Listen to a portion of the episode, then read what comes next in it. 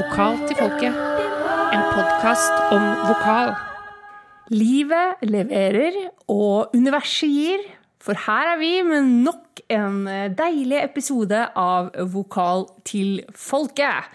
Siden det er oktober, så må vi jo, Mari, dykke dypere ned i Jeg vil, jo påstå nesten at det er vår I hvert fall ett av våre, favorittemaer vi skal dykke ned i nå. Absolutt, jeg er helt enig. Høsten har kommet, det er mørkt på kveldene, vi tenner stearinlys, vi brygger noe fancy te, eller lager pumpkin spice latte.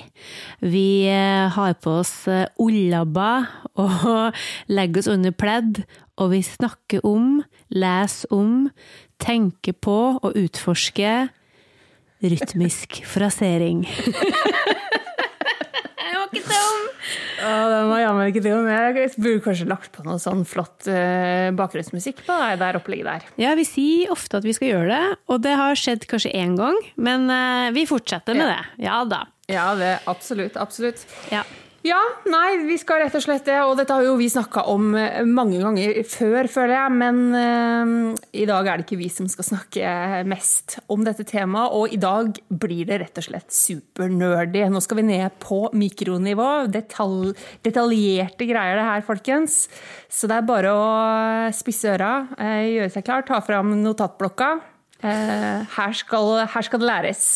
God fornøyelse! Kos dere. Vokal til folket. Når du trenger litt ekstra vokal i monitor. Ja, så har vi altså da fått besøk, Fransen. Fantastisk. Ja, og i dag er det, i dag er det voldsomt. Ja vel. Ja, i dag er det voldsomt. Altså, Vi har med oss en stipendiat ved Ritmo, Senter for tverrfaglig forskning på rytme, tid og bevegelse. Det høres jo fantastisk ut. Det høres veldig fancy ut. Det er litt sånn Marvel-aktig. Ja. Ja, eller hva tenker du, Kjell Andreas Oddekarl? Ja, det er egentlig litt Marvel-aktig. Vi sitter jo en gjeng med, med superhelter med ulike krefter eh, på et forskningssenter oppe på Gaustad. Eh, det er egentlig litt sånn, altså. Det er en gje- gjeng folk fra, eh, psykologibakgrunn, med musikkbakgrunn og eh, informatikere. Bygger roboter og AI-er og den slags. Eh, og alle forsker vi på da, rytme, tid og bevegelse. Eh, så jeg er jo da i den veldig sånn, humaniora, musikkvitenskapelige fløyen, sant, som driver med eh, ja, musikkanalyse og forsker på rapp spesifikt, og rytmen i rappvokal helt spesifikt. Det, det er julaften, det er 17. mai, det er julebursdag, Det det er pinse, det er alt. Ja, det er alt på en gang. Altså, eh, nå er det bare å stålsette seg, kjære lyttere. Nå skal vi ut på en, en, en reise. Altså, um, før vi går helt inn i måte den analytiske delen Altså, du er jo utøver sjøl, Ja, ikke sant? det stemmer. Og da, hva på en måte har Jeg vet jo hva du har gjort, men kanskje du skal fortelle litt, litt hva, hva du kommer fra, liksom? Hva som har gjort at du nå faktisk forsker på rapp? Ja, jeg endte opp eh, i sånn, i, en- i, litt tilfeldig inn i hiphop-verdenen, sånn sett. Jeg har en bakgrunn som, eh, som gitarist og musiker og musikknerd og eh, rocker og jazzer og alle de forskjellige tinga en driver med i sin ungdom. Og så har jeg alltid satt pris på og likt hiphop. Og så uh, ble det en da- På et, tidspunkt så sang jeg i Det Norske studentersangforening, Mannskoret. Oi. Så var vi på konkurransetur til Italia. Og så var det en av gutta i koret som uh, sa vi skal ikke lage et sånt uh, hiphop-prosjekt. Drive liksom, lag, Teste et eller annet sånt, akustisk uh, rappvise, crossover-greie. Bare liksom rappe og spille og gjøre det. Og så sa jeg ja. Det hørtes jo eh, usannsynlig yo ut. Eh, så la oss gjøre det. Så vi kom tilbake igjen til, eh, til gamlelandet og opp på Sinsen og eh, ja, prøvde. Jeg spilte, noen riff på, satt og jamma på kassegitarer og rappa oppå. Og så likte vi det. Så var det gøy, og så begynte vi å spille konserter. Og så kom det folk på konsertene, og så spilte vi flere konserter, og så kom det flere folk, og så ga vi ut noen plater, og så har vi spilt i eh, lenge nå. Det er jo ja, vet ikke når vi begynte. 2015-ish, noe sånt. Nå blir jeg sikkert arrestert, for jeg, jeg husker ikke dette helt sjøl. Rundt da. Rundt da. Ja. Eh, Så da, det er Sinsen Fist, da, som er rapporkesteret. Som er liveband og, eh, og fem mann som rapper og synger på toppen. Kult. Eh, ja. Og lager og gir ut musikk fortsatt. Har vært litt, litt rolig under covid, og sånn, så det, da var det veldig digg å ha fått stipendiatstilling og ikke skulle drive og være frilansmusiker og sånne ting. Eh, så jeg har hatt eh, månedslønna som kom, kommet inn underveis. Det var veldig Ja. fint. Og så har vi drevet og pådratt oss masse barn og sånne ting, så det er også jo sånn som setter ned frekvensen på nye innspillinger og sånt. Men vi, eh, ja, det er nye musikk på gang, og kommer nye greier til høsten. Tøft. Fett. Bra. Mm. Men har du studert noe, noe musikk parallelt med det her? Ja da, jeg, jeg begynte jo tidlig. Sånn uh, spille gitar hjemme og synge og ja, lære meg Lillebjørns gitarbok og ja. Var på, dette var jo pre-internett først, sånn at en ja, dro på biblioteket og lånte alle bøkene med låter i, og så dro på jobben til pappa og kopierte opp, og jeg hadde permer med, med noter og, og sanger. Og satt hjemme og styrte med det, og så var det kulturskole, og så var det musikklinje. Og så eh, tok jeg musikk på Høgskolen i Volda eh, først. Så flytta jeg til Oslo. Eh, og da var jeg litt sånn, var jeg usikker på Oslo. da. Kan, hva er Oslo bra, liksom? Sånn, eh. Da tok jeg et år psykologi. Eh, og så fant jeg ut at jeg digga Oslo, så da ble det å begynne på master. Og så fant jeg ut at jeg var lei av å studere, og jeg hadde fått masse jobb i kulturskole, og sånne ting, så da hoppa jeg av før jeg skrev ferdig masteren. Så jobba jeg årevis, og da var det litt sånn til jeg fant ut hva jeg hadde lyst til å skrive master om. Og da hadde liksom hiphopen slått ned, og jeg fant ut at jeg tenker jo på rapp med mitt sånn, teoretiske musikknerdete apparat i bånn. Sånn at når jeg skulle skrive eh, rim, så, så tenkte jeg veldig sånn mer musikkteoretisk enn mm. eh, Fordi at jeg hadde merkelappene på det. da. Og da fant jeg ut dette har jo ikke folk skrevet om. Da må jeg skrive master om det. Så da gjorde jeg det. Og da dukka det opp en stipendiatstilling som passa perfekt til å fortsette å jobbe med det etterpå. Så nå har jeg fått lov å nerde ut i, i mange år og, og fortelle verden hva, hva slags teknikker rappere bruker, og hvordan en kan tenke på det når du lytter, når du lager ja. Fantastisk. Det høres Mm. jo ut som at alt har liksom egentlig blitt lagt til rette, da. ja da. eh, Jeg snakker ofte om at eh, det er viktig å ha god timing. Eh, Ja. Og, og det har jeg jo på en måte truffet blink da, på akkurat når de forskjellige mulighetene dukker opp Ja. til å få jobbe med disse tinga. Ja. Så det har vært veldig, eh, veldig gunstig for min del, sånn sett. da, At eh, jeg på en måte ideene har fått modna, og tankene kommet på plass, og så har jeg fått anledning til å, å skrive om det, og så også få betalt for å skrive om det, og forske på det. Så det er ja, timing is everything. Uh, or is it? Det er også Det var, det var tittelen på avhandling som en kollega av meg har skrevet. Ja. ja, om hvordan at det er ikke bare timing, men også lyden påvirker timingen. Det forsker vi mye på på Ritmo. Altså, Mm. Det høres ut som en plass som man skulle gått på besøk. Ja. Ja, det må dere bare gjøre. Ja, det må vi. Kan man det, liksom? Ja, det er Stikk klart. innom. Ja, stikk innom. Så mye spennende folk på en En plass. slags tusenfryd for nerds. Ja, det er godt oppsummert. Ja. Men du må jo fortelle oss om oppgaven din. da, og hva Ja. du, altså Nå er vi jo bare interessert i å finne ut hva er det du har kommet fram til. Ja, nei, da, eh, da har jeg sett på, eh, på flow, altså spesifikt rytmen og rima i rapp. Så en egen, i så stor grad som mulig se vekk fra det tekstlige innholdet, og sett på hvordan de rytmiske strukturene er. Og da er det fra et makronivå på hvordan eh, linje og frase og eh, ja, hvor er det rimet er plassert, hvor lange er tekstlinjene, det som du kan si den poetiske eh, lineasjonen. Ja, hvor er linjene eh, og linjebrudda i det poetiske, og syntaks og rimposisjonen slags, i forhold til musikalsk takt, da. Den eh, underliggende musikalske musikkrytmen. Samspillet der, det er liksom det ytterste nivået, og så er du ned på et sånn mesonivå med hvor er det underdelingene til taktslagene er, hvor er det eh, stavelsesrytmen er, hvor er språkrytmen, prosodien. Og så er det på et mikronivå helt til hvordan er små avvik da mellom de to lagene, og hvordan de spiller inn på rytmisk opplevelse, da, eller tvetydigheter som blir skapt. Og veldig mye botner egentlig, eller sånn, Konklusjonen min er jo alltid at, at vi liker ting som er litt tvetydige. At det er, at det er flere ulike tolkningsrom. Vi får, får litt ulike forventninger, eller ting kan gå i forskjellige retninger, og så er det et eller annet samspill med at forventningen blir oppfylt eller brutt, som vi setter pris på, sånn rett estetisk. Uh, og det går alt fra da at noen rappere liker å trekke linja si over takten, sånn at rimet kommer på eneren i neste takt, for eksempel. Eller at en legger da trykksterke stavelser på trykklette posisjoner i takten. Skaper kryssrytme eller offbeat-frasering eller eh, den slags type ting. Og ned på mikronivået at den kan være en sånn tvetydighet i om er dette slaget bare en veldig sein taktslag, eller er det på en måte neste sekstendedel her? Og så er det en, på en måte en ting litt imellom. Det er på et vis begge deler. Og akkurat den spenninga der, det er sånn som en kan sette pris på. Mm. Har du liksom Når du har analysert, har du skrevet det ned? Ja, det, det er en, en, del transkripsjonsarbeid, er det. ja, transkripsjon, ja. Uh, men det er litt sånn For det også er på ulike nivå. sant? Da går en jo inn og, og transkriberer ikke ofte hele vers uh, lenger. Jeg gjorde mye på masteren, så var det litt det. For da så jeg på liksom, tre norske rappere over lang tid, ja. hvordan deres stil eventuelt utvikla seg, eller hva som stikker seg ut som deres liksom, rytmiske bumerker. Hvordan mm. du kan kjenne igjen dem. Mens nå har jeg sett eh, på avhandlinga, så er det mest på teknikker.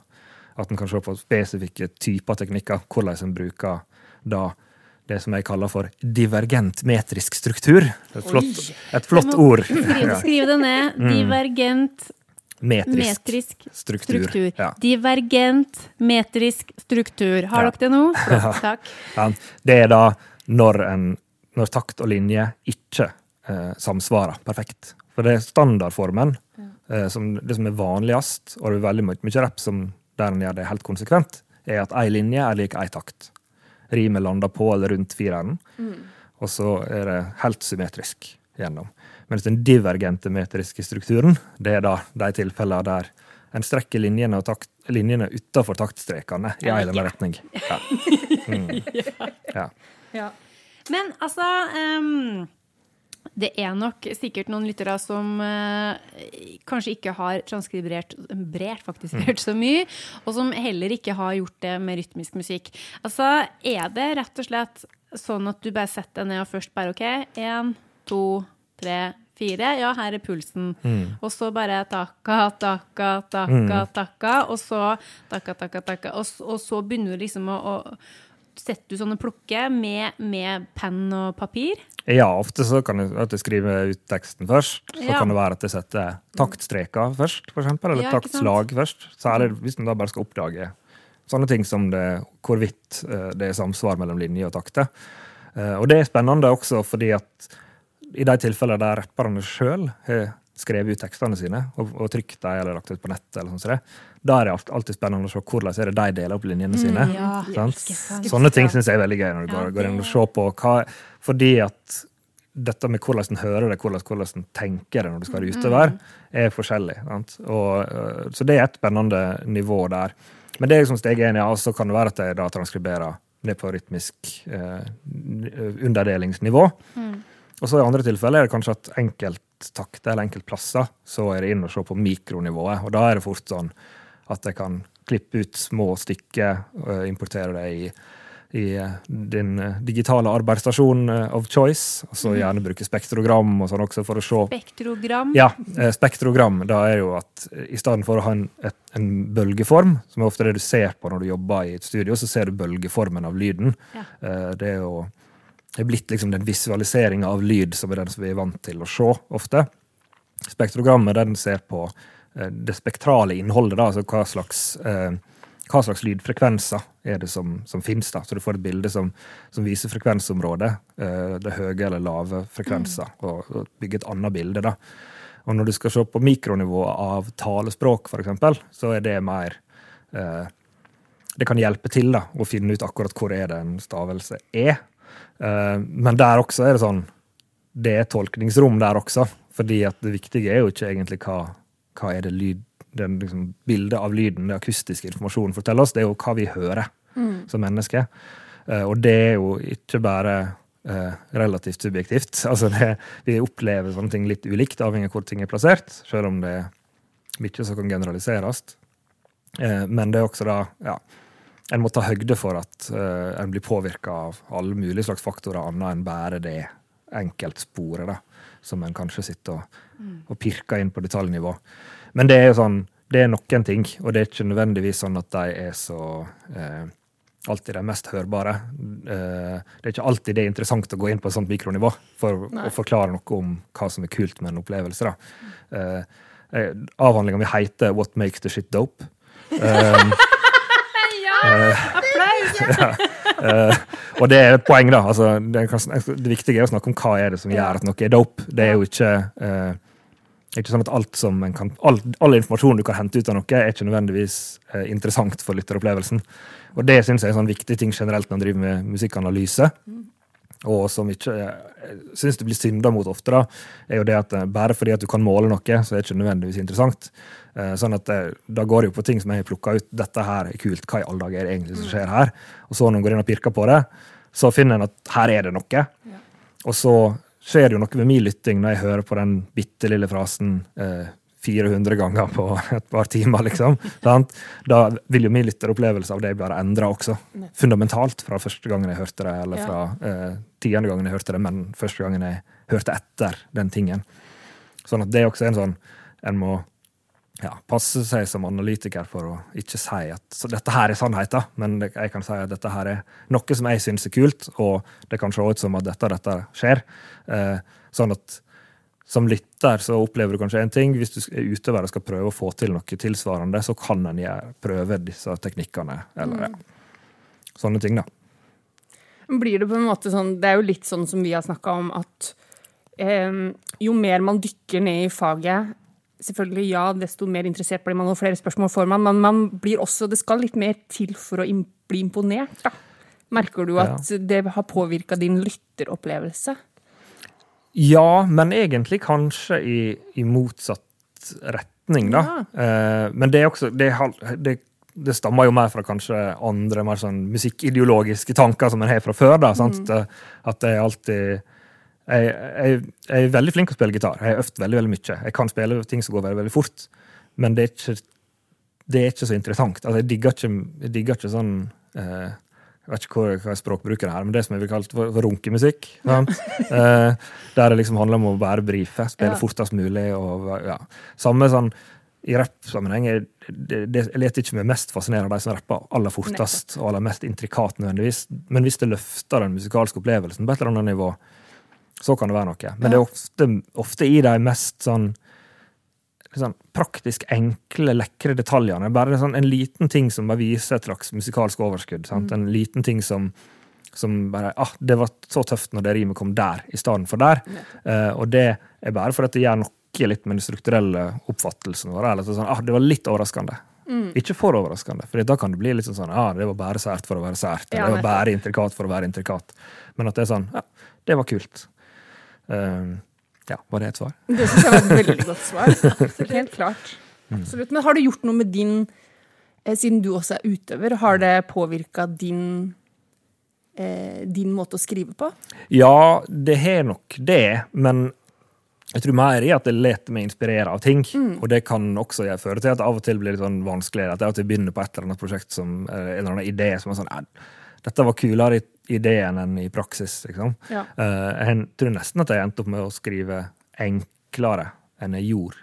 Eh, og jeg vet ikke om det er nødvendigvis blitt bedre av den grunn. Eh, at det er mer sånn ting som jeg kanskje gjorde litt sånn intuitivt fordi at en syntes det var kult med et eller annet som var litt sånn odd.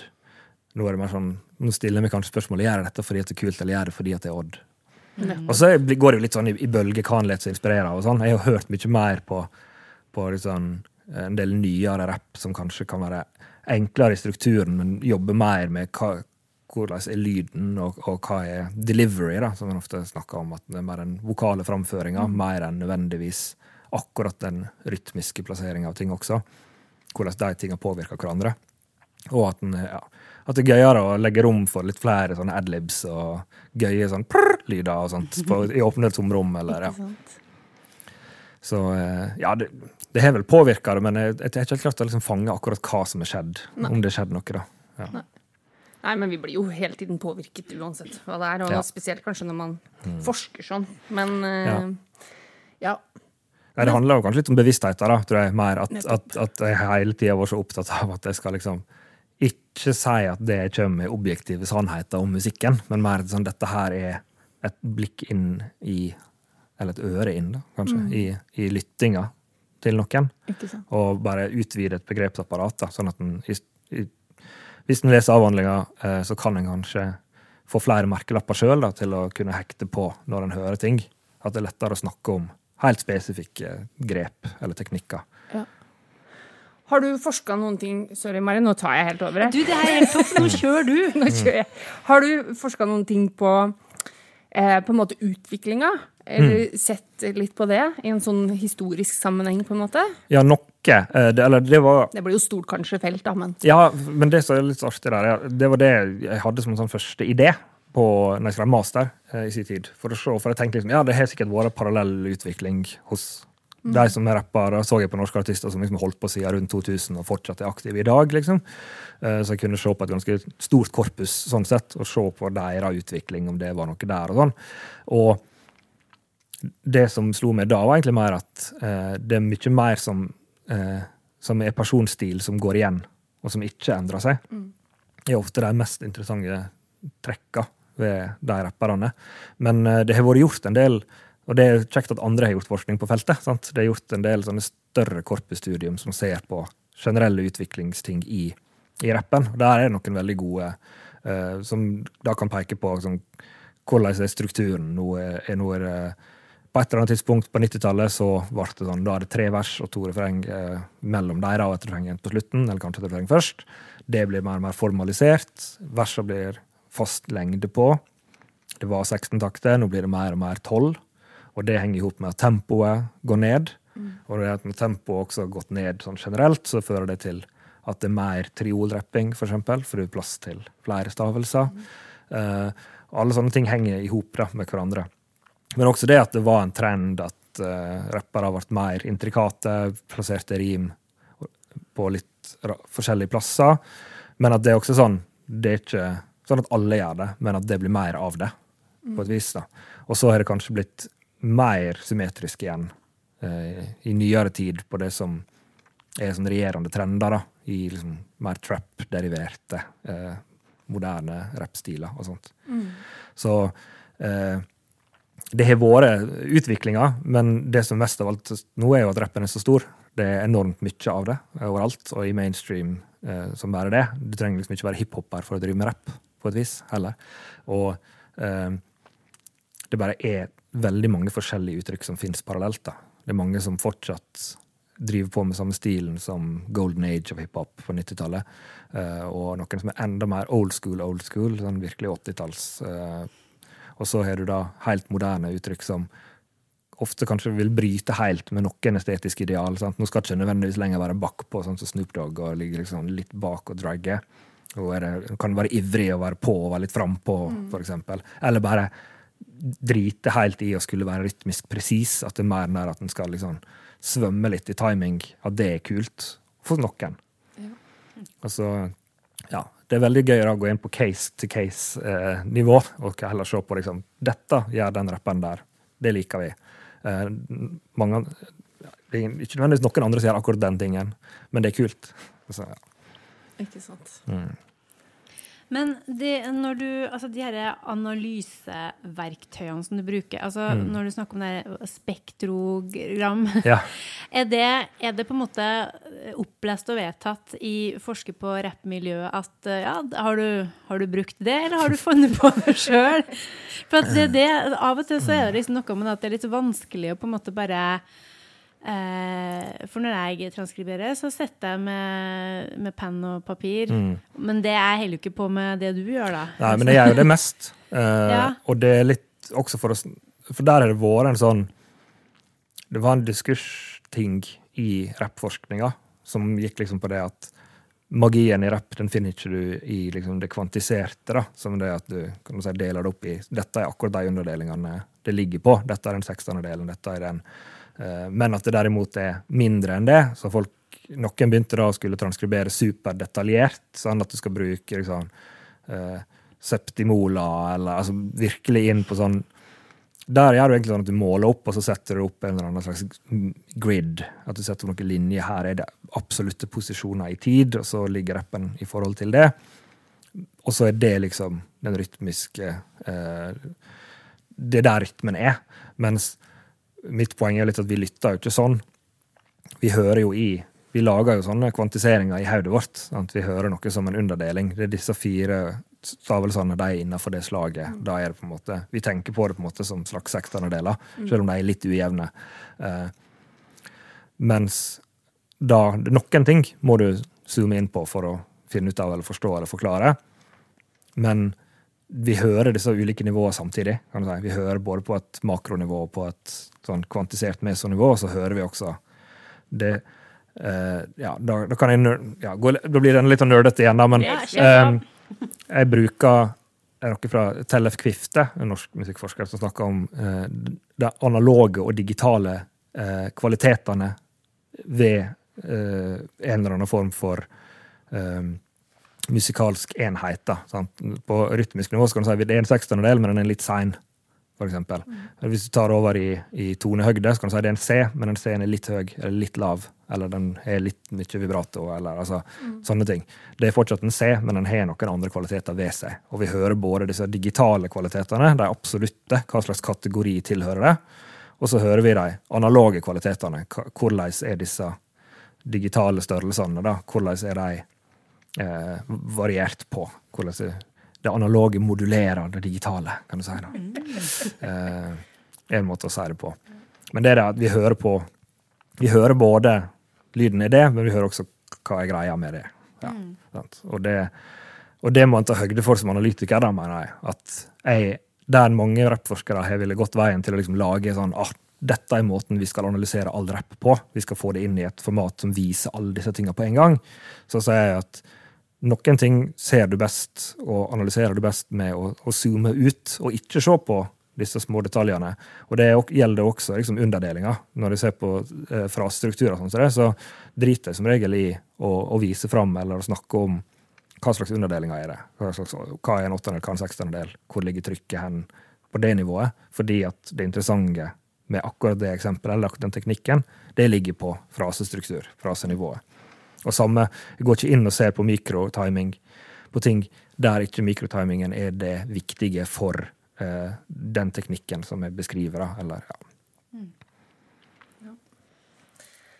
Gir det mening? Det gir mening. Ja. Det gjør det. Sånn at, ja, jeg, jeg vil jo relativisere, egentlig. da. Det er jo kanskje problemet. da, at uh, For noen som vil Hvis, hvis en ønsker å få den totale sannhet ut, sant? så er det sånn, så, så kommer jeg og er sånn partypooper og sier nei, du får ikke den totale sannhet. Du får noen ulike sannheter som er dine sannheter, og så kan andre tolke dine sannheter eller ja, få noe ut av dem. Ja.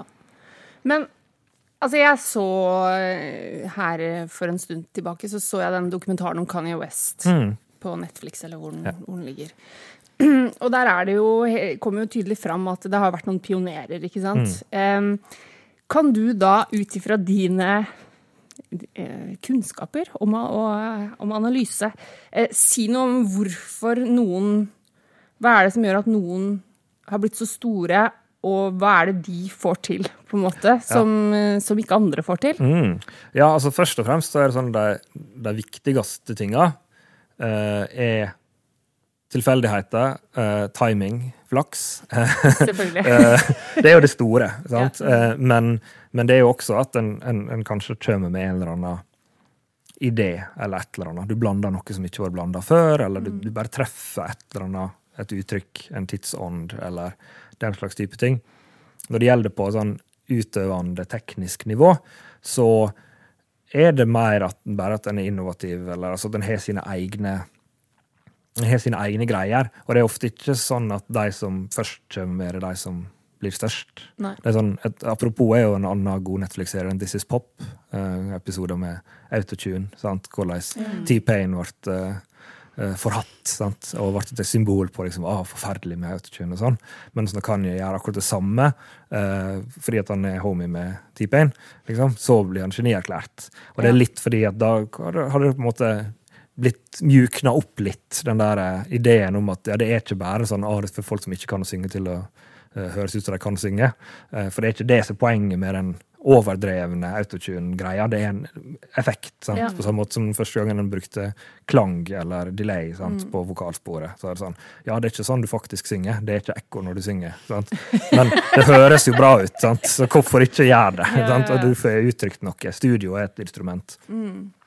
Så det, sånn er det litt med rapping også, at uh, de første som begynte å eksperimentere med å, å, å være veldig sånn Lage små kryssrytmer, legge trykket på trykklette posisjoner, lage overraskende fraseringer. Sant? Det var ikke nødvendigvis de som ble genierklært eller hadde stor eh, kommersiell slagkraft med en gang, men at de som var påvirka av dem igjen, kan si raffinerte, eller det, tok det med i sin stil, som så hadde eh, mer gjennombrudd, og så førte det mer ja, videre. Men du har hatt, det, det finnes jo ganske mange som, som er sånne tydelige personer. Sant? Når Gucci Mane for eksempel, begynte å, å, å mumlerappe, sånn at du ikke nødvendigvis hørte hva stavelsene var, og sånn? Så, så fikk en sånn verden en sånn opplevelse av at ja, det er faktisk ikke så viktig hva innholdet er, hvis flowen er kul. Og det at det faktisk ikke går an å høre det, er kult i seg sjøl. Eh, mange var åpenbart umiddelbart på er det er forferdelig, ja, mumlerapp øh, sånn. Det er ikke noe lyricism, og det er ikke authentic, og alt det der. Mens andre var sånn Dette her er fett. Ja. Det let en seg inspirere av. Og så kommer det da eh, ti år med, med de som er inspirert av Gucci Mane, sant? som tar dette med videre og gjør det på sitt vis, og derfor får gjennomslagskraft. Sant? Så igjen, det var sikkert et, et langt ikke-svar igjen. Nei, kjempebra du svarer Mm. utfyllende. Det liker Ja, vi det liker vi veldig Ja. godt. Men er det forskjell på no, eh, i Norge, da, mm. eller norsk Mm, rap ja. kontra Er det noen, noen spesifikke kjennetegn her? Ja, det er mange kule ting med norsk rap. Ja. Eh, det er veldig mange Det som jeg har vært litt sånn gira på akkurat i det siste, for jeg driver og gjør klart en sånn konferansepaper på, på Linni, eh, og, eh, og hans samarbeid med Kvam, produsenten Erlend Lyngstad. Uh, Linni Jonas Grieg, kjent fra Yo-guttene og som soloartist. Eh, og hvordan de på en måte opererer i mange forskjellige sjangeruttrykk, egentlig. Eh, parallelt, eh, og eh, også da sammen. Sånn at når Linni jobba solo, med første soloskivene sine, så var det veldig mye mer sånn trappete uttrykk i, i beatsa, særlig. da. Sånn at når Kvam lagde beat for Linni, så var det sånn typiske trap-kjennetegn. Sånn trommemaskin, og det er veldig kvantisert, og det er sakte tempo, 808 bass eh, eh, Ikke egentlig en 808 trommemaskin, men en basslyd laga av basstrommelyden fra 808. Eh, og sånne tette high-hat bursts og sånne ting. Og så lager de også da Neste Planet-prosjektet, som er mye mer sånn sample-basert og mer sånn at det rytmisk ikke er helt på grid. Sant? At det er litt mer sånn det svømmer og drar litt. Grann. Og i Norge så har du da at det er såpass lite miljø, og du kan ha såpass eh, enkeltpersoner som er såpass store som enkeltpersoner at de kan få ganske mye gjennomslagskraft eh, i det at fansen hører på dem, uavhengig av om de liksom passer inn i én bås. Sånn at du kan få noen som kan eksperimentere veldig med uttrykket. Og det er litt vanskeligere i et kjempestort miljø. Sant? Da, jo, da tilhører du en grein og en plass. Og selv om du gjør det, så blir det kanskje ikke tilgjengeliggjort for folket på samme måte. Da. Så i Norge så har du en del sånn Jeg opplever at det er en sånn frihet til å eksperimentere med uttrykket som blir omfavna veldig. da. At det er ikke sånn er du nødt til å rappe sånn for at de fansen skal høre på deg. Sant? Du kan blande disse her uttrykka. Og jeg gir ut eh, tre plater på eh, ett år, eh, som var vel det jeg gjorde. Kvam og Linni i lag. Eh, ja, var det tre, ja, tre stykk. Den Saga-skiva, som er ett uttrykk. Så er det Night Rider, som er mye mer sånn elektronisk og mer sånn house og eh, litt mer sånn grime og britisk inspirert, nesten. Og så er det Matrix, som er veldig eksperimentell og sånn overskuddsprosjekt der de kødder med ting som ikke nødvendigvis er så kommersielt tilgjengelige, men som de liker. Og så kan du på en måte gjøre det eh, i Norge, og, og ja, kødde, spre, ja, virkelig la seg inspirere av alt mulig rart. da. Det er kult. Det er en norsk ting som er veldig kult. Noe annet er bare det norske språket har ja, egne ting ved seg.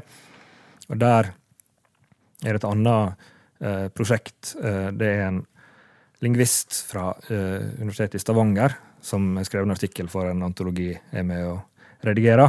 Han har ikke noe forhold til rapp fra før, så det var det sånn, skal han høre på og analysere med lingvistiske verktøy da, norske rapp-a cappella-spor. og da fant han liksom, han hørte på noen Johnny-låter, og så var det sånn artig, fordi at eh, østlandsdialekter skal egentlig operere med en annen type melodi enn det som Johnny gjør. Fordi at Johnny bruker mer en sånn generell rappmelodi i, i rappen sin, som da skiller seg fra hans dialekt. Fordi at rappen har sine egne melodiske strukturer som følger mer rappspråket, i stedet for å følge eh, ja, det som talespråket. For poenget er jo at, at rapp er jo ikke tale, selv om man ofte tenker på det som det. Det er mer en type sang som er talenær. Det her må folk få med Ja, seg. dette var viktig Ja. Dem som- informasjon. dem som- for jeg, ja, Mm. dette her er feilinfo feilinformert fra min sin side veldig ofte. Og så for dem som kanskje tenker at her, hvorfor skal Vokal til folket ha en rappepisode? Eh, det blir jo helt feil. Nei, det blir ikke det, faktisk. Men det, men det eh, Jeg har nok òg tenkt at rapp, det, det er på en måte en Ja, hva skal jeg si? Nei, jeg har, ikke, har, har ikke tenkt at det er snakking, men jeg har kanskje tenkt at det er veldig At det absolutt er en Det hører hjemme i vokalverden, men at det er veldig talenært. At det er liksom at det er Talenært er jo et bra ord, da. Ja, Ja. det er For det. da er vi på en Ja. måte Vi begynner å snakke om talenær sang. Det var det som var eh, eh, for, for Jan, Jan Hognestad eh, Når han begynte dette prosjektet, så hadde han også en hypotese og en idé om at, at rapp var eh, sangnær tale. Eh, Og ikke talenær sang.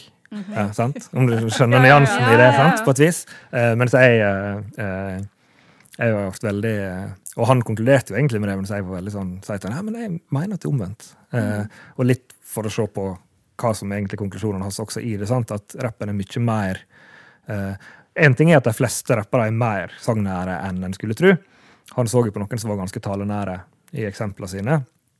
Eh, men at rappen er mye den, den, den ligger rundt Du har på en måte en sånn eh, resitasjonstone, som du kan kalle det. En sånn hovedtone som er i en eller annen som passer med akkordgrunnlaget under. Sant?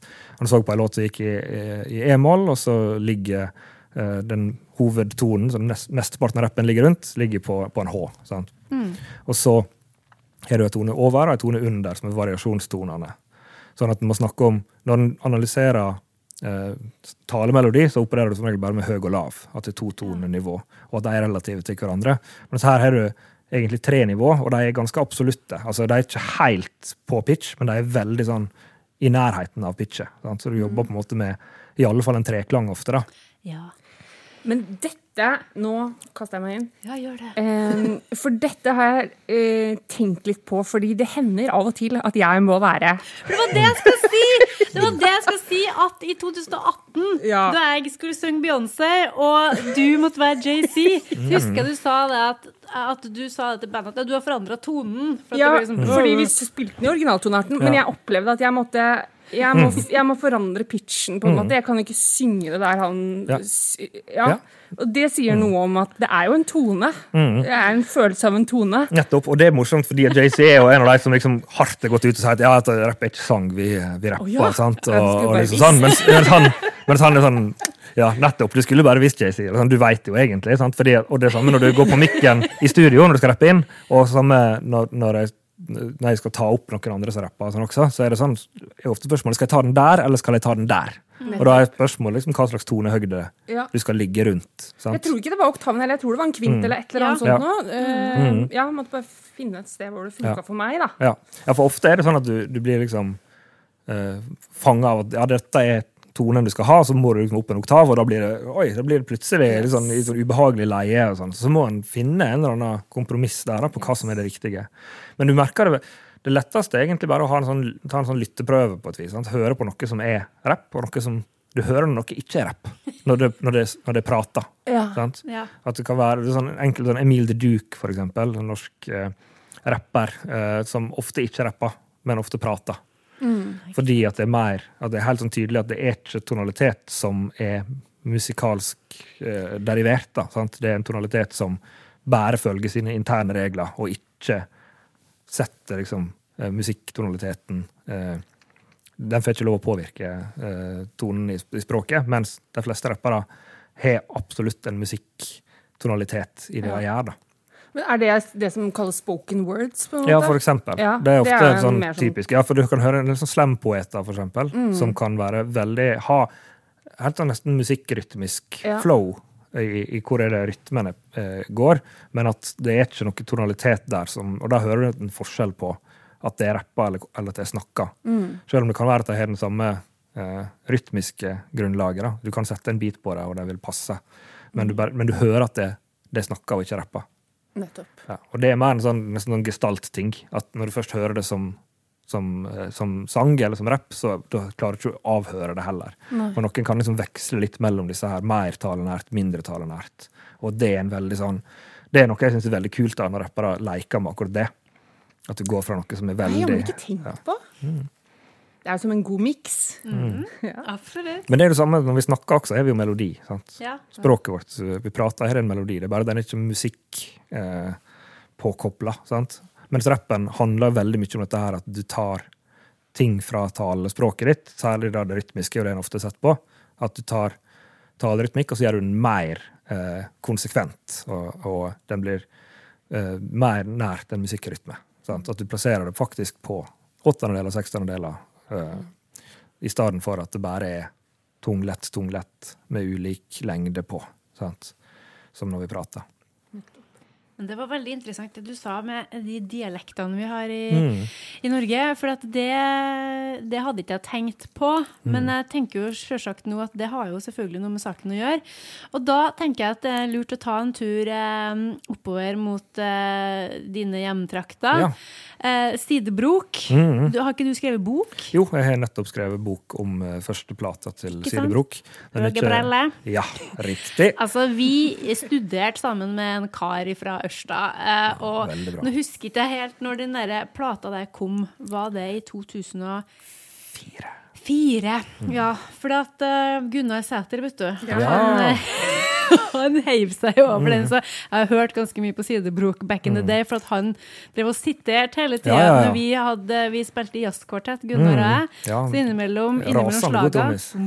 Så, så bare kom det noe sitat, og han eh, måtte drive og oversette, for det var Mm. jo ganske ja, ikke alle de orda jeg skjønte, da. Nei, nei. Men, eh, men hva er liksom eh, fascinasjonen din for, eh, for sidebrok? Nei, for meg er det jo helt åpenbart at, uh, at det var En ting er jo at jeg var jo der. Jeg var Ja. 19 år når den plata kom ut, og de hadde gitt ut noen ting uh, et par år før, Ja. når de første tinga kom, og så slo de gjennom med, liksom, med Urørt. De ble Årets Urørt, og uh, hadde da ganske mye sånn, Det ble sånn stort på, litt på fjernsynet, den slags. Um, mer enn en likende kar. Og så når da Høge Brelle kom, og da singelen 1, 2, 3, 4, så Ja, ble de den, jo ja. Da ble de jo et nasjonalt fenomen, da. sant? De kom jo på VG-lista, og de var, eh, de var overalt en stund. Det var jo virkelig et sånn en, en, en stor og viktig plate ja, på det tidspunktet, da.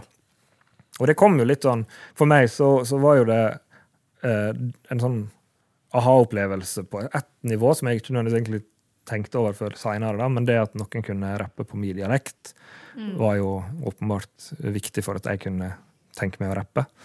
Og eh, det var mange som prøvde å leke seg med å rappe på Sunnmøre i, i åra etter Sidebrok kom. Det er ikke så kjempemange som liksom drevet med det eh, for alltid. eh, og sånn. For min egen del så kom det jo egentlig det at jeg begynte sjøl ganske mye seinere. Jeg prøvde bitte litt da også, for moro skyld, men da var jeg elendig til å rappe. Eh, nå er jeg litt bedre. Eh, det er sånn eh, Gunnar Sæter med rapp òg? Det er jeg litt usikker på. Men jeg gjorde, sikkert noe prosjekt eh, på et eller annet Dette her må vi komme til bunns i. Mm, ja. Jeg tror ikke han gjorde noe når han gikk på musikklinja. i hvert fall. Han gikk i tredje klasse når jeg gikk i første klasse. Det Skulle jeg visst. Ja, Han, men altså, han, han er jo så festlig. Det er bare å legge på et beat, og så kan vi høre på at han snakker. Det er et slags spoken word. Ja, det er sant. Ja. Men sånn, der også ligger en viktig forskjell. Sant? Det å prate på eh, oppå rytme er jo én ting, men det å, å, å kunne frasere musikalsk Mm. sant? Eh, er noe annet. helt klart. Ja. Så det Sidebrok for meg var veldig viktig eh, i å skjønne det. Men Runar er en av de beste rapperne i norsk historie. Altså. Eh, han er usannsynlig god. Mye fordi han skriver veldig gode tekster, men også fordi han rapper veldig kult og har en veldig tydelig personstil. Han rapper veldig musikalsk. Eh, det er det, han var en av casene når jeg så på den til master, så var det litt det jeg tenkte at er det forskjell på hvordan folk rapper ut fra dialekter deres også. Så jeg så på rappere med forskjellige dialekter. Jeg så på Elling Borgertrud med Oslo Mål, og Lars Vaular fra Bergen, og så Runar fra Hovdebygda. Eh, og da eh, eh, så var det sånn at nei, det, det var ikke så mye i dialektforskjellene som var, og det var mer tydelig personstil-ting. Eh, det mest det, det, Med den artikkelen til Jan og det at han så på, på hvordan eh, Johnny sin dialekt blir måte suspendert av rappdialekter, eh, var et sånn gjennombrudd på det å, å, å se på hva er det som skjer med, med dialektting eh, i rapp. Det har vært gjort noen andre lingvister også. Det er en i Nederland som har sett på Tupac, hvordan han endra seg når han flytta fra East Coast til West Coast og tok på seg mer West Coast-dialekt, og hvordan det er veldig tydelig. Eh, og mer nesten en overdreven uh, West Coast-språk, selv om han opprinnelig er fra East Coast. Sant? Så det, det, det er kanskje mer å spore i, i det melodiske og i liksom delivery-ting, hvordan du uttaler enkelte ting. og ja. Men, men han, eh, som, han i Sidebrok, da. Ja. Eh, Hva, hva er det som gjør jeg, jeg, Nå jeg vil igjen ned til liksom mikronivået. jeg. Hva er det som For du sier han har sin egen, egen greie, på en måte. Men hva er greia, da? Ja. Eh, et godt eksempel er, er forskjellen på hvordan en lager kan kryssrytme, eller Ja. offbeat-ting. Der mange rappere skaper disse kryssrytmene med at du, legger, du har ordtrykk på oddeplasser. Du kan ha en lang rekke med sekstendedeler. Du rapper på hver eneste stavelse bortover. Og så er det det at trykket kommer på underlige plasser, er det som skaper eh, kryssrytmen.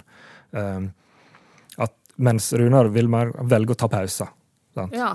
Eh, han kan, kan stoppe i det. Han kan ta liksom kan jeg, eh, jeg har fått meg en ring på fingeren, en ring rev, så sted å vise fingeret. Sted å rope pina det ut på Digernes. Er det rart at det smiler så et smilefjes? Mm. Så er det sånn pausene hvor ting er plassert. Det er det som Ja. skaper synkoperingene og kryssrytmene.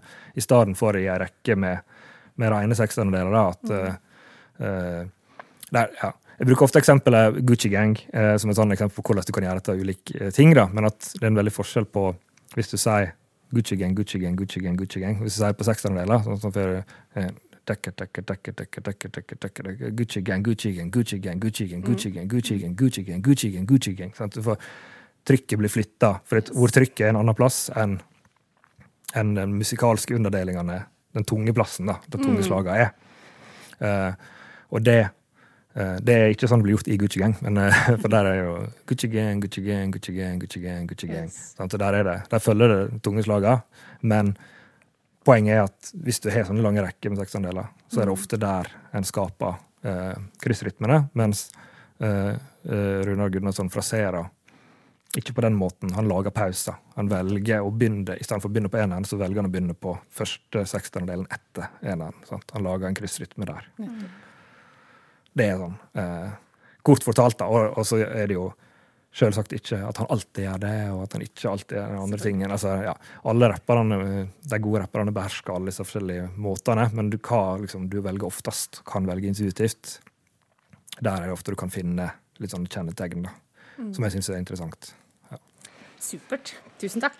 Og jeg føler ofte at um, sånne småting, sånne liksom plasseringsgreier, eh, betoning, det er der ikke alltid dem som har hørt veldig mye musikk, eller har studert musikk, eller bare er god i musikk, får det med seg. For ofte så når jeg snakker med folk som da har et annet forhold til musikk enn det vi har, så kan de si 'Å, sangen her er så kjedelig'. Og så tenker jeg 'Hæ?' Men da, har, da, da hører ikke du det som foregår i bunnen der. Du hører kanskje bare liksom eh, Du hører det harmoniske, og så hører du kanskje en vokal, men hø, hører ikke du alt det som foregår de andre plassene, som ligger i, eh, i gitar eller en eller annen sånn mystisk rytme, og hører ikke du liksom Hører ikke du det kule at hvordan eh, sangeren treffer akkurat der? For ofte for min del kan det være liksom Én tidlig ener kan gjøre en hel låt. Jeg kan sitte og glede meg til den kommer, for jeg syns det er bare genialt. Og det som det igjen trigger, og så plutselig, og der kommer det et eller annet fra trommisen som er trigga av det. Men jeg skjønner jo at eh, det er jo en grunn til at ikke alle sammen holder på med musikk. Det er mye jeg ikke forstår i andre type ting. Så, men jeg tror at det her er liksom det nivået Altså, og at selvfølgelig, dem som ikke er musikklærd, hører jo selvfølgelig òg sånne ting, for det finnes da veldig mye nerds. Men jeg tror det er på det nivået der, altså. Ja.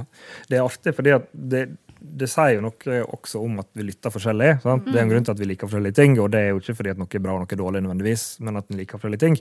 Men også det at det ligger, der ligger litt den derre At sånne type detaljer kan ofte være det som uh, make something dope, men uh, du kan ikke si akkurat hva det er. what er det. Nei, sant. Altså, og det er der som jeg prøver å å, å være i forskninga mi. At jeg kan si at jeg kan peke på faktiske detaljer som kan si dette her er sånn som går igjen. Dette Ja. gjør det. Dette er en teknikk som fins. Uh, og så er, er ikke sant, er Du trenger jo ikke begrepsapparatet for å kunne oppfatte at det er kult, men eh, det kan hjelpe hvis du har lyst til å lage sånne ting, eller at en bare syns det er kjekt å finne ut av det og nerde på det. eller ja, sant? Så, så kan en gå inn i, på det detaljnivået. Og det, jeg tror det er veldig mange som lytter veldig detaljorientert uten å ha et velutvikla sånn musikkteoretisk begrepsapparat. Uh, og da er det jo ofte sånn at en kan høre de tingene, så peker en på den tingen der, det var veldig kult. Og det kan de som kan fortelle hva det er for noe, også synes. Uh, men det er helt som du, fascinerende, som du sier, at det, det er mange ting som er sånn åh, at det er to listetoppende låter. Og så kan det være sånn, den der åh, den er fantastisk. Den andre åh, den er forferdelig. Eh, og så, sant, så er det jo sånn Da eh, er det jo åpenbart at det er ikke den på det nivået som jeg hører på, eller på de tingene som jeg er interessert i, eller det som jeg bryr meg om, er ikke nødvendigvis det som gir det suksess. Men det kan jo være med på det. Sant? At Den låta ble kanskje en suksess fordi at jeg gjorde den tingen som jeg syns er veldig, veldig, veldig kult. Men det kan jo være andre låter som, som gir like stor suksess, som ikke er noe jeg syns er kult. Nettopp. Så hva som gjør noe dope, det er vel også avhengig av litt hvem som lytter, Mm. på en måte. Men hva er, hva er konklusjonen? Konklusjonen min er jo da at, at det finnes noe eh, At det er der det finnes en eller annen form for tvetydighet. Sant? Ja. At det ligger ulike eh, potensialer da, for der musikken bygger opp forventninger, og, og, og, fanger, og ulike ting i musikken fanger oppmerksomhet av det. Og så om de da blir oppfylt eller ikke, og hvordan de ikke, eventuelt ikke blir oppfylt, eller hvordan de blir oppfylt, de forventningene, der ligger veldig ofte det vi syns er stilig. Når det er noe som er sånn Å, det var ikke, det var ikke akkurat det du forventa, men det var noe annet som passa. Det er ofte sånn Det er gullet. Da, da er du truffet. Hvis det er sånn at det bare blir noe Ja, dette her var ikke det jeg forventa, det var litt rart. Da er det kjipt. Eller sånn Å, dette her var akkurat det jeg forventa hele tida. Da kan du bli litt lei. Mens når du er en sånn, finner sånne gylne middelveier, da. Så en blanding mellom noe som er gjenkjennbart, men Mm. også som overrasker litt, Ja. på en måte. Og det tror jeg handler mye om, om sånn generelt hvordan vi eh, persiperer verden. Da. At eh, vi, oppmerksomheten vår blir fanga av noe som stikker seg ut på et eller annet nivå. Eh, når det er liksom, du går rundt, og så er det lyd overalt rundt deg, så er det noen lyder som fanger oppmerksomheten din fordi at de eh, at, at liksom ditt fysiske vesen trenger er vant til at hvis du hører noe som er uvant, så skal du reagere på det. Sant? Som det er noe som kommer og jager deg, eller at det er et dyr som du skal drepe. Liksom. Eller sånn, altså, helt sånn basalt. Sant? Uh, og, og, og hjernen vår sorterer sånne ting hele tida. Uh, og da Sånn er det da også i musikken. Sant? Det er lag på lag på lag med musikalske uh, bestanddeler som spiller i lag. Og så når de samspiller på en måte som er ikke akkurat som du forventer, så kan det være noe som fanger øret ditt. da. Når den der triolen kommer på eh, eh, i Hunting High and Low, sant? når det kommer ba, ba, ba, pff, det er som en sånn inngang til eh, et refreng, sant? så er det sånn Ja, det var noe som var litt annerledes, men det funka. Ja. Og da hører du etter på den tingen, og da blir det en sånn greie. Eller som du sier, den tidlige eneren som gjør hele låta. Det er sånn åh, det øyeblikket, det er magisk. Ja. Og det kan være helt på sånn mikroting. Jeg husker at uh, Dina blir hos meg. Eh, veldig, eh, veldig sånn eh, låt som på mange måter er ganske forferdelig. Men så er det sånn en plass i andre verset der og liksom har en sånn eh, måte å si 'æ, herlig' En sånn litt sånn pustegreie som bare sånn Spot on. Ja. Akkurat det lille øyeblikket, det kan liksom Det, det kan jeg eh, kjøpe og ha hørt den låta var på. For da kan jeg liksom glede meg til det lille øyeblikket. Og så er det andre som ikke vil høre det i det hele tatt, selvfølgelig. Men det er jo litt med hva en, ja, ja. henger seg opp i. Men uh, all den forskninga di og interessen for, uh, for plassering og flow altså, det, går, det går sikkert igjen når du hører på annen musikk òg. Ja, ja, ja. Dette er ikke, det, er ikke, det er ikke nødvendigvis bare for rapp. Det er bare at rappen er der er det så sentralt at, at det handler veldig mye om de typene teknikker. Ja. Eh, og så er det litt med sånn frekvensnivå, rett og slett. At i rappen så er det flere stavelser, flere ord, på mindre tid. Sant? At I en rapp så er det som regel at ei linje og ei takt de overlapper. Sant? Mens i, i sang så vil du da kanskje ha to til fire takter sant? på ei hel lang linje med syntaksen. Sant? Sånn at eh, det er ofte når da i en, en, en sungefrase, så er det ofte en større inngrep mot forventningene dine, da, hvis den strekker seg utover og lander på, på neste ener igjen. Men det, en hører det veldig mye mer, tror jeg nå også, i, i moderne popmusikk. Ja. At en leker mer med sånne ting enn det som var vanlig før liksom, rappen hadde satt seg i eh, våre musikalske ører. da. At eh, nå er det mye vanligere at de kan kødde med sånne ting, at linjer strekker seg over, og så ja, den lander på en odd plass. da. Ja, det tror jeg absolutt. Fordi det er ganske mye av den derre popmusikken med Spesielt med eh, altså, unge kvinnelige sangere som lager det som jeg syns er litt kjedelig, kjedelig musikk, og som på en måte synger eh, veldig begrensa i, i range. Det er liksom eh, Det er knapt en oktav. Men så er det noe interessant der rytmisk sett, og jeg aner ikke om det er dem eller om det er produsenten som på en måte har lirka det til, eller som har kommet med en veldig tydelig bestilling. Spill, syng på rytmen til Mellotron eller et eller annet. Det vet ikke jeg. og det hadde vært interessant å finne ut, men det er sikkert ingen som har lyst til å avsløre seg der. Men det gjør iallfall at en del av den musikken blir sånn spiselig for meg, da. Mm. Ja, det er interessant hvordan, det, hvor ulikt uh, bevissthetsnivået er på sånne ting også. Det gjelder rappere også, det. Altså, hvor, hvor så grad de er bevisste på akkurat nøyaktige rytmiske plasseringer. Sånn. Noen er veldig nøye på det. Ekstremt innøvde. Jeg har hatt uh, samarbeid med rappere som har gjort et gjestevers, eksempel, så kommer de inn og så er det helt De legger to, to versjoner av verset sitt, eh, og så er det helt identiske. Så det er sånn, ja, du bruker første take, liksom. Det sånn, Dette her er, er du bestemt. Sant? Og så skal de legge doblinger, backtracks, eller sånn, forsterke noen ord. Og så er det bare så spot on at det er sånn helt sånn, du trenger ikke det, Hvis du hadde villa flytte på det for å få det til å line opp, så hadde du ikke trengt å gjøre det. Sant?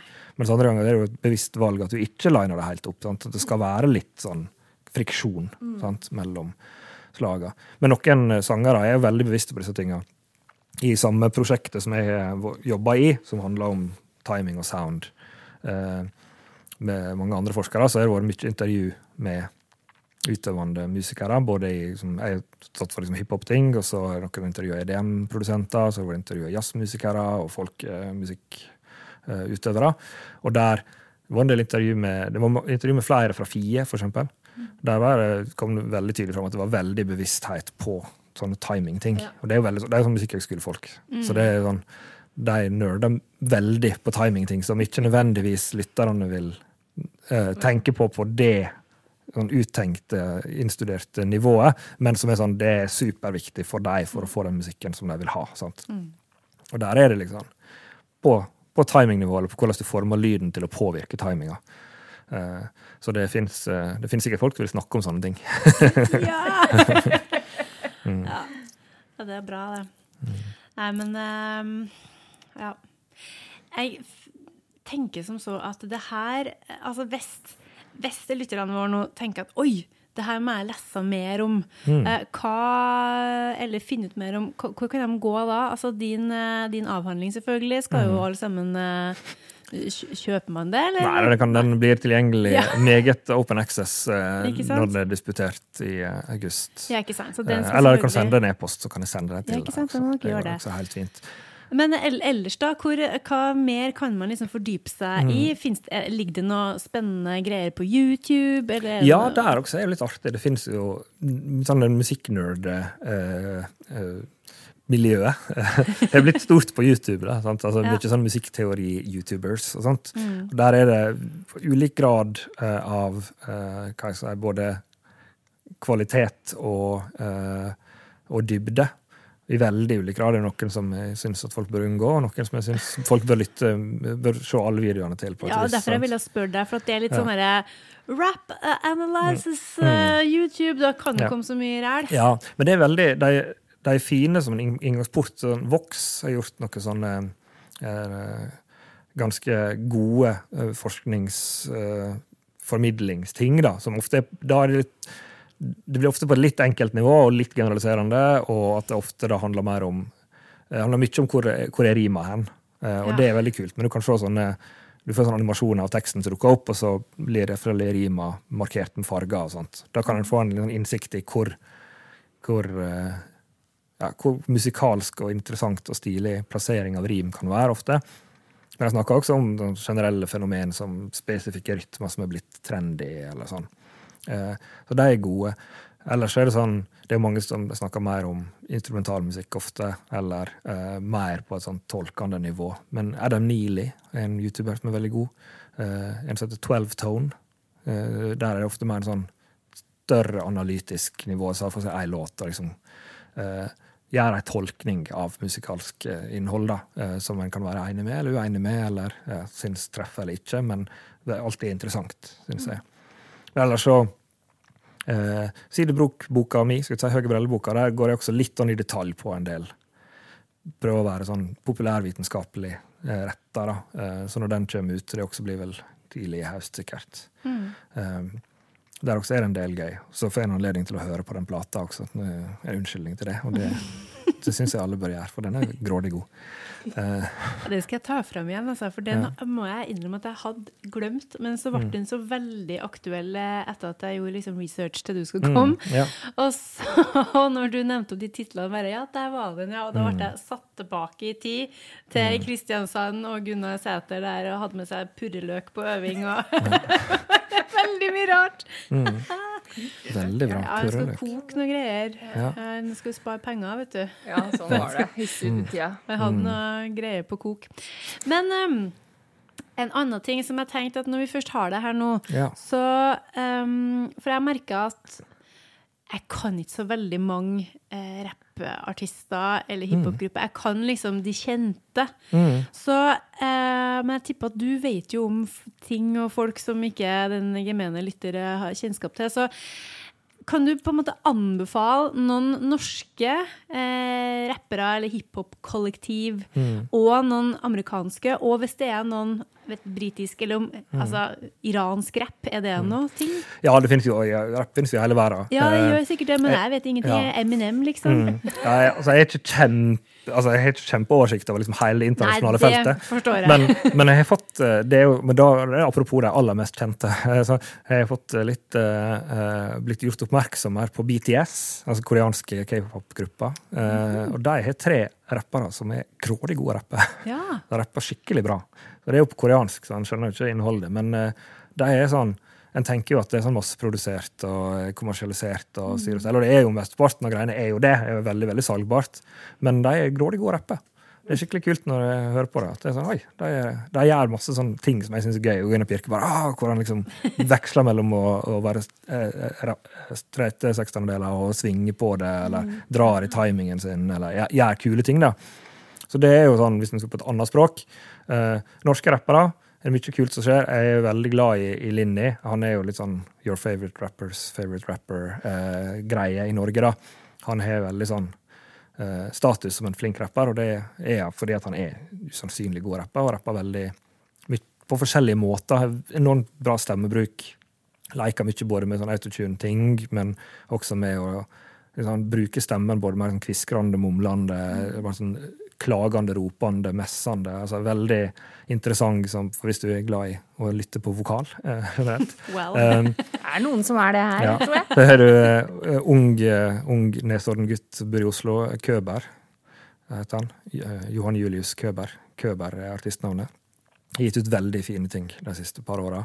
Han er, tror jeg er sånn han er, blir, kan fort bli en sånn next big thing. Et, mange begynner å få ørene opp for han. Han er rågod. Um, amerikansk rapper. Uh, Chica fra Alabama. Grådig flink. Hun både synger og rapper dritbra. Uh, og gjerne i samme låt, og kan gjerne sånn vekslinger. Nesten sånn umerkbart fra rapp til sang og tilbake. og uh, der er en sånn NPR uh, Tiny Desk-konsert som er utrolig god. Det får med seg sine tre backingsangere. og sånt, og Det er veldig stilig hvordan de dobler. Hun rapper, så er det tett harmonisert dobling av enkelte linjer og sånt, som er sånn spot on. Den eh, Songs About You-skiva fra 2019 det tror jeg jeg har hørt mest på de siste åra. Så det er sånn sterkeste anbefaling til eh, lytterne. Hør på den Chica-skiva der. Um, ja. ja, så Linni Køber, BTS Det er litt sånn spredning Ja, i, i ting som en kan lytte på. da. Uh, og det finnes jo Folk rapper på så utrolig forskjellige måter. Det er mange kule stiler. Britene gjør ofte en veldig annerledes ting en grime-greia. For det kommer på en måte ikke fra hiphop per se. Sant? Det er mer gått sin egen vei til å bli et rapputtrykk. Fra dub og mer eh, Og inn, inn med sånn mer house-type og drum and bass og jungle. Sånne ting. Der er DWE, er det en som heter, som rapper utrolig kult. Eh, liker veldig godt. Men eh, ja, generelt bare eh, Ja, du kan lytte på, på ting fra ulike plasser i verden, og det, de vil ofte ha ja, Det er vel kanskje mer at du er ikke nødvendigvis en britisk stil eller en amerikansk stil, eller sånn, men det fins personstiler da, som er veldig interessante. Og i Norge med så er det jo enormt ulike greier. Eh, En del som er veldig på, på en sånn moderne nesten sånn mumlerappete ting. Snowboys veldig artige greier. Eh, broren der, Jay Zeno, syns jeg er også en av de som gir veldig veldig kule ting ut nå. Og så er det de som, som har veldig ulike uttrykk fra andre. Oral B er en meget undervurdert rapper. Og en eh, kanskje gått litt vel mye produksjon. altså Han lager veldig, veldig mye. Han er jo opptatt av at det er lurt å selge ut, liksom, og lages mest mulig musikk. Så jeg syns at ikke alt som er like bra nå som kommer ut. Så må jeg ikke slå meg for det, altså. Men, eh, for jeg er jo megafan. Men eh, der også er det et, sånt, et annet uttrykk sant, som jobber med andre ting. Sånn West Coast-derivert. Veldig sånn breialt og eh, nesten ekstremt u lite sjølhøgtidelig. eh, men har en veldig sånn tydelig personstil i bunnen, som også er veldig kul. Nå er det bare å gå hjem og lytte. Ja. Absolutt. Mm. Og så bare lurer jeg på en ting. ja. Du, som no, du kan veldig mange ting, og jeg tipper at du Jeg tror kanskje ikke du er så opptatt av kred, men du har sikkert en del kred. Derfor lurer jeg på, hva, hva syns vi om de der rare amerikanske bandene der det er rockemusikk og, og rapping, sånn Linkin Park? Ja, Nei, altså ehm, nå, nå er det, må det sies at det er sikkert ikke spesielt kredete å være så eh, nerd og, eh, og forske på rapp og sånne ting. Så det er sant. Og også det å drive og lage rappmusikk der du bruker live band og sånne ting. Så det er også sånn som det er eh, kan du si, contentious, er vel det gode norske ordet for det. Eh, eh, sånn, jeg vet ikke hvor mye kred jeg har, men eh, ja, når vi snakker om om eh, rapp, rock og sånn som det, Ja. så er ikke det nødvendigvis eh, Altså, det, kan være kult, eh, men en må ta det for det det er, på et vis. Ja. Eh, det er ikke nødvendigvis så mye bra rapping alltid. Men det kan være at, at den typen rytmisk framføring kan være veldig stilig. Eh, det er ikke så lang vei fra Beastie Boys til Rage Against Machine, eksempel. Eh, og så når du da tar det videre, den type uttrykk, sant, så kan du si sånne som da du nevner Linkin Park eller kan- Limp Bizkit. Ja, uff, nei, det kan um, ikke vi snakke om. Eh, for meg, altså. der er det, kan, kan du si, kanskje begrensa hvor mye det liksom rapputtrykket gir, Ja. og sånn, da. Eh, Der er det kanskje andre ting som er kulere. Chester Bennington fra Linkin Park for eksempel, er en rågod vokalist til å synge, men uh, Og så er det litt et tidspunkt vi truffet på, da. Uh, jeg unngikk vel akkurat Lincoln Linkin Park, på en måte, med, med tilfeldigheter. Jeg, jeg husker at jeg hadde den ene olympiske skiva på CD, som jeg kvitta meg med ganske fort etterpå, men det var et tidspunkt der, jeg, der den var sånn Hm, hva er det som foregår her? Ja. Eh, for det var på, på TV, og jeg var 14 år. eller Ja. sånt? Eh, men jeg eh, jeg elsker jo Red Chili Peppers, for eksempel. Det er det mange som er Gjør som hater. Sant? Nei, så vittig. Eh, men det er jo igjen fordi det er ikke nødvendigvis rappinga. sant? Nei, sant. Eh, eh, og der, men at det er et slags rappnært uttrykk til tider, uh, som jeg syns er kult vokalmessig, men ikke for rappen sin del som, som rapp, men mer som at det er en annen type vokaluttrykk i en uh, poprock-type kontekst. da. Uh, så jeg er megafan der. Men jeg digga jo også liksom Eat 17 når det kom. da, sant? Altså, sånn, uh, eh, men da skjønte jeg ikke hva de sa, sant? Eh, så det var bare det at det faktisk var noen som uh, rappa, var tøft. Ja. Fordi at eh, jeg likte jo også eh, de andre tinga som kom på det tidspunktet, som liksom Tupac og eh, Warren G og sånne ting. Så, det, så det, var jo sånn det var litt i samme gate for meg. Sant? Så jeg skjønte ikke før, ikke før jeg kanskje var tosifra antall år at det var en forskjell. Sant? De var jo de mest, det var jo de mest edgy Ja. boybandene, på en Ja, måte. og de er undervurdert, altså. Ja. Den er, jeg går tilbake igjen og hører på den Waltham Stowe-skiva der, og så er den den har noe ved seg. Sant? Det er en sånn samling av uttrykk. Sant? Mm. Eurodance-ting og litt sånn hiphop-ting, og med et sånt typisk sånn Øst-London, eh, et eller annet greier der, som er sånn det er på mange måter forferdelig, men det er også ganske fint. Eh, altså, det, det, det hadde noe ved seg. Det er litt som, den der, eh, som, som når Madonna alltid plukka det nyeste før det ble stort. Sant? Plukka diskoting fra klubbene i, i New York før det slo gjennom mainstream, og så var hun den som tok det med mainstream. Tok med seg William Orbit og lagde Ray of Light-greiene og sånn. Og, uh, da er det kanskje ikke liksom det reneste uttrykket for den musikkformen. Sant? Det er en kommersialisert versjon, men det har, gjorde noe interessant ved seg. Uh, og ja, jeg syns ikke skal undervurdere mainstream-ting heller. Sånn. Altså mainstream-appell. det er jo ting som er kult også. Ja. Nei, for at det der eh, Linkin Park-greia har jeg liksom grubla litt over, på en måte. For at det ble liksom alltid gjort narr av. Eh, men jeg syns alltid at det var Jeg syns alt var greit når han sang. Han vokalisten jeg synes han sang kult, og da var det liksom, så de refrengene var bra, men så skjønte ikke jeg helt det imellom der. Og så, men samtidig så har jeg alltid likt Rage Against the Machine veldig godt. Eh, og så Og Red Hot Chili Peppers. Jeg likte liksom den ene platen, Blood Sugar. Det syns jeg var veldig bra. Men det, der er det nok mer liksom gruven i, i, i bandet. Ja. Låtene som på en måte Ja. Der er det nok bare liksom gruven som jeg har digga. Mm. Ja, der er det sånn, eh, jeg syns Anthony Kiris er en veldig interessant stemme og en helt sånn unik tilnærming på det. Som, som er liksom sånn, Der er det veldig sånn elsk-hat da, mm. for mange. Eh, men eh, eh, ja, altså Det er jo igjen da, Der er det mer den musikalske pakka, ikke Ja. nødvendigvis en sånn slags eh, ja, Det finnes ikke noen sånn renhet eller autentisitet i det. Er ikke, det, er ikke, det er ikke rapp på hiphopsk. sant? Det måtte være at du bruker det, den stemmeteknikken. da, mm, At du Ja. er mer talenær i sangen. Ikke sant? Ja. Um, og det kan jo være, eh, kan jo være veldig kult uten at det nødvendigvis er veldig bra rapp. Mm, Ja. At ja, det, sånn, det, det blir en sånn kreddeting. til? At det, er her, det er ikke nødvendigvis det jeg er opptatt av. At jeg, kan synes, jeg kan finne noe som er kult i noe som jeg ellers syns Ja. er, er, dårlig musikk. på et vis, kan jeg finne noe kul rapping. Og det er veldig mye rapping som er superkreddete, som jeg ikke syns er interessant i det hele tatt. For det er ikke nødvendigvis sånn at fordi at jeg liker rapp, så er, det rapp som er det. Skal, du ha liksom rapp rap for rappere? Eller, ja. Ja. det finnes, jeg hører opp for mye, mye musikk som ikke er rapp også. Ja. Ikke sant. Men det handler, synes, for min del så handler det nok mye om sånn som for eksempel Red Hot Chili Peppers, at eh, det handler om energien. Ja. Samme med Rage. Altså, Det er liksom den derre Ja. ja, den energien som, som jeg tror også som Jeg har også drevet mye med rock. At, at du kan, liksom, du kan skrike i en tone og liksom være på hugget, men det er noe med det du får i den spyttinga og den Ja.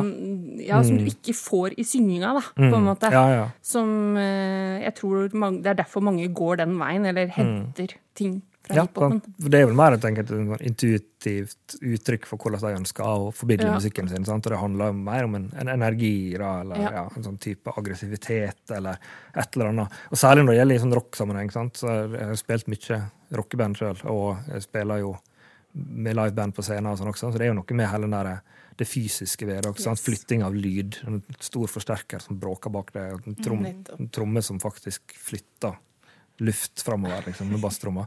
Det er en sånn annen type energigreie som en er ute etter. Og det er litt sånn det kan jo være Jeg bruker ikke jeg er ikke sånn veldig fan av de aller hardeste metal-greiene, og sånt, men på konsert for eksempel, kan det være veldig kult. altså Bare ha den der bare bråket og følelsen av Ja. ting som blir satt i bevegelse, og en formidling av en energi. Sånn at eh, det er sikkert noe sånt som en tiltrekker seg av, uavhengig av altså Det trenger ikke være dritbra eh, rapp i Rage Against. Machine, for eksempel, for det er ikke det som er poenget. Nei. Det er mer at han faktisk eh, bruker stemmen sin. Og så har det, kanskje en effekt det er spesifikt at det liksom ikke nødvendigvis er rent på en tone eller på en plass, men at det er stemmen som gjør noe. Sant? At det glir litt i pitch, eller at det blir brukt en type vrengning på stemma sant, som er tøft. Eller, ja. Ja, Det sitter i bitet på et vis. helt klart. Ja, med rage så er det sånn at det trenger ikke å gå mange takter før jeg liksom kjenner at det bygger seg opp. Noe sånn derre Jeg får bare lyst til å brøle og bare åh, jeg, blir så, jeg blir aggressiv på en sånn fin måte da, når jeg hører på det. For det, det er så mye som ligger der. Så det er egentlig en veldig bra sånn treningsmusikk. Spurt gjennom skauen, eh, Ja. dritsur. Interessant å tenke på hva er forskjellene på Rage Games Machine og, og Audio Slave, sant? når du hører Ja. med, med Chris Cornell på vokal i stedet for. Sant? Som er jo en helt, helt, helt annen type vokalist, men også har en veldig eh, den der ja, strain på stemma. Ja, det går fint. Ja, ja, men sånn. det, sånn, det, det, kan, det kan gjøre ulike ting. Da. Du kan, uh, Audio Slave kan jo på en måte ha en ballade. Ja, det blir Det kan ikke du ha i Rage Games Machine. Sant? Veldig godt poeng. Jeg må spørre om en siste ting. Det er ikke sikkert du kan svare på det her, men jeg må bare spørre. Hva er det med den mikrofonteknikken? altså, hva, hva, hva er greia med det? At man liksom skal holde på kula? Ja, det er, det, Hva, hva er det godt for? Nei, det er ikke godt for noe som helst. Og de som gjør det, får beskjed om å ikke gjøre det også. Skal jeg si. Det jobber du med. Det er sånn eh, Jeg husker det sånn, sånn tidlige gigger også, der de som på en måte var rene rappere, jeg synes, som kom inn med det, fikk liksom umiddelbart beskjed av den ekstremt dyktige uh, lydteknikeren som jobber med alt av hiphop. er Sånn, det er ikke tøft. Nei. Ikke gjør det. Det gjør bare at du ikke hører hva som foregår. Du trenger ikke å cuppe mikrofonen. Det er ikke poeng i. Du kan holde mikrofonen litt lenger bak og se like tøff ut. Ja. Lurer på, vi, har, vi hadde jo besøk av en eh, tekniker, lydtekniker, Sigmund, her, og han sendte meg Jeg tror ikke vi har lagt ut ennå, men faktisk hva, hvordan det påvirker, Ja. Påvirker uh, ut ifra hvor mye du Mm. cupper den. Da. Mm. Så det, det må vi legge ut. Ja, vi Ja. Når du skal rappe live, så er det det viktigste faktisk at du klarer å, å være tydelig. Og det Ja, trenger du ofte veldig hjelp til av en god lydtekniker. Eh, eller, men ellers kan du si at, at når du da ikke gjør det, og det fortsatt er kult, så er det sånn, det viser jo hvor mye at det handler om energi og, og stemmebruk mer enn innhold ofte. da. Ja, ikke sant? Eh, Men altså det å bare møfle lyden eh, for å se tøff ut, det, det er ikke så lurt. Nei. Ja, men det var godt å høre. Mm. Jeg trodde det var en greie, og at, det, at jeg bare må liksom akseptere at det er sånn, sånn det er. Nei, Jeg tror folk eh, lærer seg det også. Ja. Det, er litt fordi nå folk mye det er mye mer demokratisert, dette med, med studioteknikk og lyd. og sånn Ja. også. Folk tar opp ting hjemme og er opptatt av mikrofon og god lyd. Og sånn. Ja. Og da tror jeg det finnes et bevissthet som overføres til livesituasjonen også. At Rappere er ikke sånn at de ikke driver med musikk annet enn at de rapper. Sant? Rappere spiller inn ting, og mange lager beats sjøl. Det er ikke lenger sånn at en rapper ikke kan noe om lydteknikk, eksempel. Det, det kan de nå. Og da, da lærer en seg fort at eh, ja, ja, det høres døvt ut når jeg cupper mikrofonen. Så hvorfor skal jeg gjøre det, da?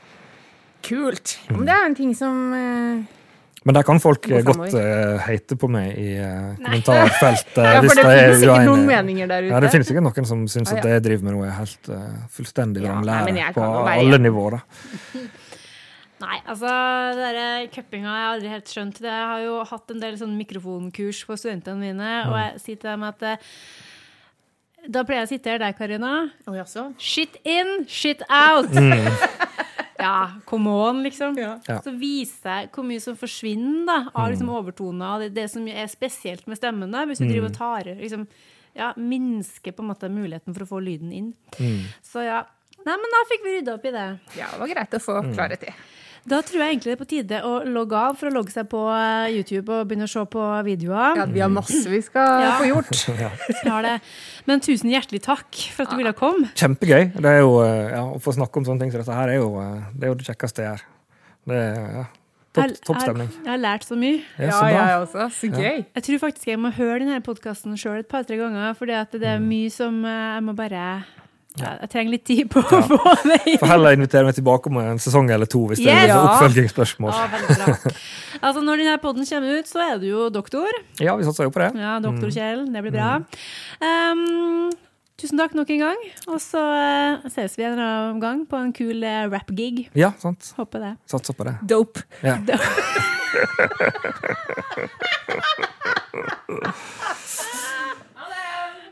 Guri malla, det var gøy. Og for dere som lurer på hvordan det da gikk med eh, Kjell Andreas, ble han doktor eller ei? Og her kommer jo da en liten opplysning at eh, han har jo kalt seg for doktor Kjell noen år, blant annet på Twitter. Eh, men jeg sendte han en, en mail i dag og spurte hvordan det lå an, hvordan det gikk. Og jo da, han har fått sin doktorgrad, og kan nå virkelig kalles for doktor Kjell Andreas. Gratulerer fra vokal til folket! Du har hørt Vokal til folkets podkast med Karina Fransen og Mari Klingen.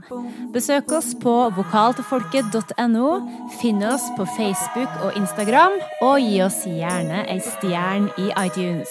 Vi tar gladelig imot tilbakemeldinger, tips og innspill. Så ikke nøl med å sende oss en melding. Vi snakkes!